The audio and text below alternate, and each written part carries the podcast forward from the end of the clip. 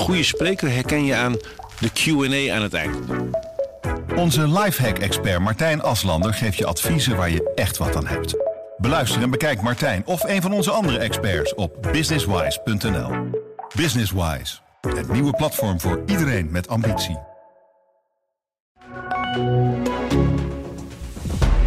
Dit is de AD Nieuws Update met Jamie Trainte.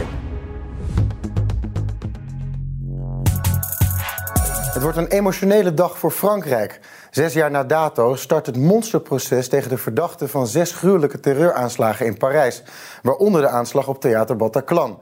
Bij het bloedbad in 2015 vielen 130 doden en raakten honderden mensen gewond. Correspondent Frank Renaud staat bij het gerechtsgebouw in Parijs. Zijn er extra veiligheidsmaatregelen genomen daar?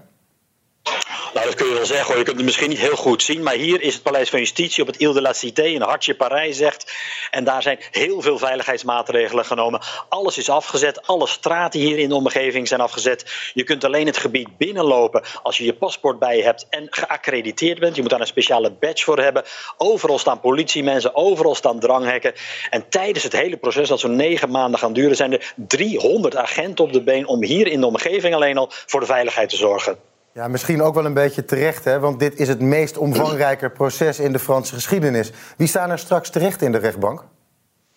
Nou, in totaal staan er 20 verdachten terecht voor de aanslagen van 13 november 2015. Van die 20 zijn er maar 14 ook echt fysiek aanwezig in de rechtbank.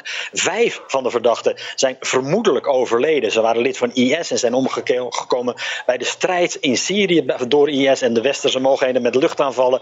Maar omdat ze niet officieel dood zijn, kunnen ze toch bij verstek berecht worden. En er is ook nog een verdachte die zit in Turkije in de cel. 20 verdachten dus. Maar van de daders, de 10 daders die destijds de aanslag gepleegd. Er is er nog maar één in leven. Dat is Salah Abdeslam. De anderen werden gedood door politiekogels of bliezen zichzelf op. En Salah Abdeslam, we zien hem in beeld, dat is de man die hier straks ook in het Paleis van Justitie in de rechtbank voor zal verschijnen. Ja, daar zullen ontzettend veel ogen op gericht zijn. Verwacht men dan ook dat hij gaat praten tijdens die zitting?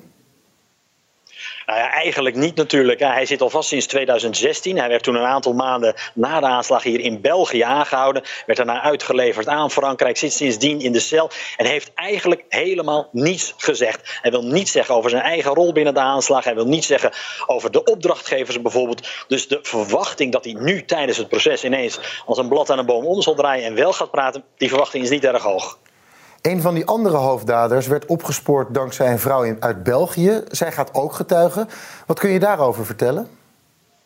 Nou, er zijn heel veel verschillende hoofdverdachten. De belangrijkste misschien wel Oussama Attar. Dat is de man die in Syrië destijds zat, een leidinggevende rol bij IS had. En vanuit Syrië de aanslagen bedacht. Hij heeft ook die Oussama Attar, degene aangewezen die de aanslagen moesten uitvoeren. Hij zorgde dat ze vanuit Syrië konden vertrekken naar België, waar ze zich verzamelden. Hij zorgde ook voor paspoorten, telefoons. Maar ja, goed, die Oussama Attar is een van degenen die vermoedelijk is omgekomen bij westerse luchtaanvallen in Syrië. En dat schetst meteen het probleem van deze dat de hoofdpersonen in deze hele aanslagenserie van november 2015 dat die er niet meer zijn. En je noemde het net al heel eventjes. Uh, het strafproces zal ongeveer zo negen maanden gaan duren. Waarom duurt het zo lang? Omdat het gewoon een ongelooflijk ingewikkelde zaak is. Het strafdossier dat hier straks op tafel komt te liggen is 1 miljoen pagina's stelt dat. Dus dat is enorm. En dat heeft te maken met een heleboel factoren. Ten eerste zijn er natuurlijk de internationale vertakkingen. De opdracht voor de aanslagen werd gegeven in Syrië. De coördinatie werd gedaan vanuit België. Maar de uitvoering was hier in Parijs. En dan heb je nog de verdachten zelf. Er zijn er zes zijn er niet aanwezig. Dat bemoeilijkt ook het onderzoek. Dat bemoeilijkt de bewijsvoering. En van de daders is er, van de tien daders is er ook nog maar één in leven. En die zwijgt, zoals we net zeiden, Salah Abdeslam. Dus dat maakt het ook nog eens extra moeilijk. Tot slot, heel Frankrijk zal uh, ontzettend meeleven. En er zijn veel nabestaanden of mensen die de aanslagen hebben overleefd. Wat verwachten die van dit proces? Ja, wie het, oh, de verwachtingen zijn nogal divers. Het ligt er een beetje aan aan wie het vraagt. In dat. Maar als je dan de overlevenden vraagt, die zeggen ja, er moet vooral gerechtigheid komen. We zijn zes jaar verder na die aanslagen. Het wordt nu tijd dat er schuldigen worden aangewezen. En dat er ook mensen veroordeeld worden. Dat is goed ja, voor het verwerkingsproces van die nabestaanden. Er zijn ook nabestaanden bij die zeggen wij willen gaan getuigen in de rechtbank. We willen vertellen, oog in oog met de verdachte, met Salah Abdeslam. We willen vertellen wat er gebeurd is die avond. Hoe onze levens verwoest zijn. Maar ik interviewde bijvoorbeeld ook een advocaat die zei: ja, voor die nabestaanden, zo'n proces zal hun leven niet verbeteren, want die levens zijn echt gebroken. Het enige wat ze misschien kunnen krijgen is een beetje begrip voor wat er toen destijds nou precies eigenlijk gebeurd is. Frank Renaud vanuit Parijs, dankjewel.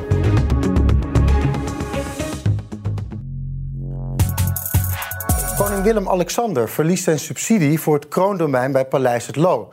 Dit gebeurt omdat de koning elk najaar het park sluit voor wandelaars. Volgens de minister moet de koning zich aan dezelfde regels houden als alle andere subsidieaanvragers van natuurgebieden. Nico Kofferman van de Faunabescherming. Jullie willen dat het kroondomein ook het hele jaar open blijft voor gasten. Waarom is dit zo belangrijk? Uh, het kroondomein is in 1958 geschonken door koningin Wilhelmina aan het Nederlandse volk. Uh, waarbij het dus de bedoeling was dat het Nederlandse volk daar jaar rond van kon.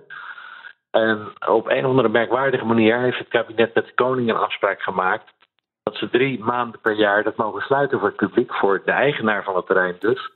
Um, uh, zodat Willem-Alexander daar kan jagen. Nou, dat is een beetje gek. Uh, de subsidie die daarvoor gestrekt wordt is een miljoen per jaar. En wij denken dat dat niet uh, in overeenstemming is met de regels. En dat denkt de minister nu ook. En hoe komt het dat zo'n afspraak ooit tot stand is gekomen dan? Nou, ik denk dat er heel veel van dit soort afspraken met de koninklijke familie buiten het zicht van de volksvertegenwoordiging uh, uh, plaatsvinden. Dat gaat zowel om de kunst van de koninklijke familie als het onderhoud van hun bezittingen, hun paleizen en, en, en de Groene Draak. Maar het gaat ook over de jachtterreinen. Dus dat gebeurt allemaal tamelijk heimelijk. En nou ja, de, de mensen in de Tweede Kamer, met name D66 en de Partij voor de Dieren, hebben daar al jaren voor gestreden en gezegd: dit is gewoon niet in de haak. Nee. Het is gewoon in strijd met de regels, dus het moet ophouden. En de minister zegt: ik ga dat met ingang van de nieuwe subsidietermijn, met ingang van volgend jaar, ga ik het ook stoppen. Maar de faunabescherming heeft nog een gerechtelijke procedure lopen dat de 4,7 miljoen over de afgelopen vijf jaar ook teruggevorderd moet worden. En toch nog even, wat is de belangrijkste reden om het terrein die drie maanden dan te sluiten? Nou ja, de koning krijgt jachtgasten uh, uh, van andere vorstenhuizen. En die vinden het niet fijn als de pottenkijkers bij zijn. Dus um, ja, zij willen het liefst dat terrein afsluiten, zodat ze daar hun eigen jachtpartijen kunnen organiseren zonder, zonder dat mensen dat kunnen zien. En ja, dat betekent ook dat als het nu wel jaar rond opengesteld wordt, dat de jachtpartijen waarschijnlijk ook over zijn. Ja, en het is niet de eerste keer dat er kritiek wordt geuit op het dichthouden van het uh, kroondomein. Welke acties heeft de faunabescherming al eerder ondernomen hiertegen? Ja, we zijn hier al jaren mee bezig. Dus we, uh, we protesteren altijd rond de sluiting van het gebied op 15 september. Dat gaan we nu ook weer doen dit jaar. Uh, en, en ja, wij maken, wij maken beelden tijdens uh, de jachtpartijen. want er zijn een aantal wegen die nog open zijn waar het jachtgezelschap over, open moet, moet ste over moet steken. En wij hebben jarenlang actie gevoerd om daar beelden van te maken. En dat heeft de koninklijke familie ook een beetje vervelend gevonden.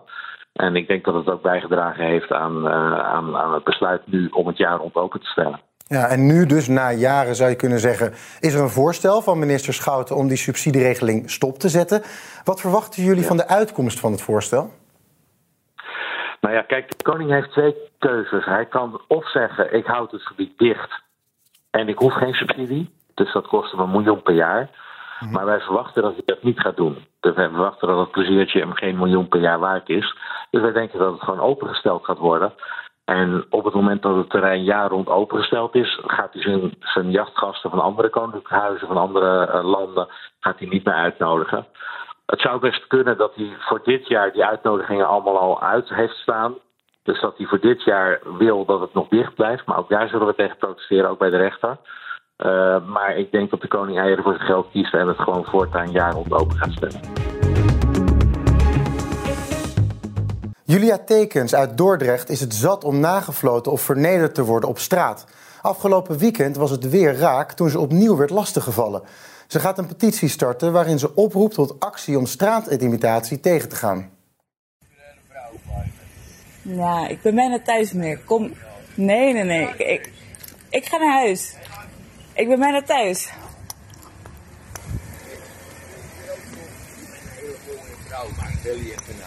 Het leuk. Nee, maar ik wil dat u nu verder rijdt. Ja. Nee, zeker niet. Ik ben geen prostituee. Nee.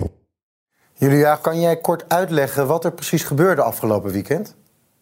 Ehm, nou, ik was eigenlijk klaar met werken en ehm, ik liep naar huis toe, wat misschien niet per se uh, het verstandigste is om te doen in de nacht in je eentje. Ehm, maar toen ik op een gegeven moment halverwege was, liep ik over een brug heen en toen zag ik in de verte al een auto rijden tegenover het plein en toen dacht ik al van, kreeg een onderbuikgevoel. Ik dacht, dit, dit is niet helemaal, uh, niet helemaal pluis. Um, maar ik heb altijd mijn muziek in. Echt keihard. En ik heb van die noise cancelling oortjes. Dus ik dacht van ik ga gewoon doorlopen en ik uh, zie wel wat er gebeurt. En eigenlijk uh, in die straat, die is heel lang. Daar stopte die man al twee keer, uh, nou ja, niet met rijden, maar dat hij langzaam naast me begon te rijden.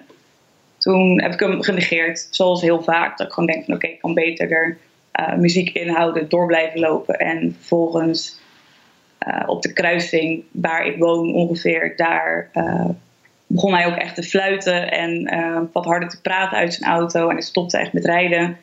En ja, toen werd ik eigenlijk gewoon een beetje pissig. Toen dacht ik ook van oké, okay, um, het gaat een beetje te ver, dus ik moet er iets aan doen. En ik had continu al, ja, ik heb zo'n SOS-knop op mijn telefoon, weet je wel, dat er twee noodcontacten worden gecontacteerd en de politie wordt gebeld, mocht het echt ja, misgaan. Uh, maar op het moment dat ik mijn telefoon pakte, dacht ik ineens: die man zit in een auto, daar zit een kenteken op, uh, kan hem beter filmen. Ja, je bent al best wel heel erg aware ervan. Je hebt dus en die SOS-knop. Je hebt al bedacht, ik pak mijn telefoon en ik film het. Want het is niet de eerste keer dat je te maken hebt gehad met, gehad met straatintimidatie. Wat voor effect heeft dit uh, op jou? Ja, het doet gewoon heel erg veel met je veiligheidsgevoel. Ik voel me sowieso eigenlijk onveilig op straat in mijn eentje op dat soort momenten. En um, het doet iets met je gevoel van vrijheid. Want ik denk dat ik dat eigenlijk in essentie niet helemaal ben. Omdat ik zoveel na moet denken over dit soort dingen. En daarnaast, uh, ja, het maakt je toch wel angstig. Het doet toch iets met je eigen waarde. Het zorgt er toch voor dat je denkt: oh, moet ik dit wel aantrekken naar buiten? Kan dat wel? Vinden mensen daar wat van? En dat, ja, ik vind dat gewoon belachelijk. Ik denk dat dat gewoon niet zo moet zijn. Ik denk dat iedereen moet zijn wie die is en dat dat ook uitgedragen mag worden zonder dat je daar ongewenst ja. intimiteit voor ervaart. En iedereen ja. moet natuurlijk daarnaast gewoon te alle tijden veilig s'avonds terug over straat kunnen. Daarom nu dus een, een petitie uh, om actie tegen straatintimidatie te gaan doen. Uh, zo wil je onder andere een signaal afgeven bij de gemeente en de politie. Hoe kijken zij ja. nu naar jouw ervaringen? Ja, ik, ik merk wel dat er uh, best wel wat reactie op komt, ook vanuit de gemeente en uh, van partijen dan in ieder geval.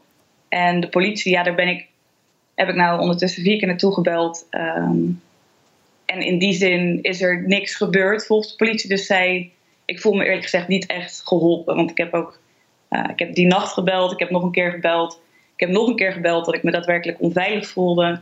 En ik heb gisteren gebeld dat ik aangifte wou doen. En daar wordt eigenlijk uh, continu op gereageerd van we komen binnen één of twee werkdagen bij je terug.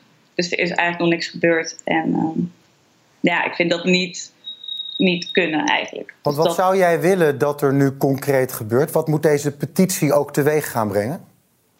Ik wil aan de gemeente Dordrecht laten zien dat het wel degelijk een probleem is waar iets aan gedaan moet worden. Dus dat het hoger op de gemeentelijke agenda komt en dat er meer ja, een hele campagne wordt gevoerd dat het gewoon gaat verdwijnen uiteindelijk. Ik weet ook dat het niet binnen een dag kan gebeuren, maar als ik al iets kan doen, dan hoop ik uh, dat dat lukt.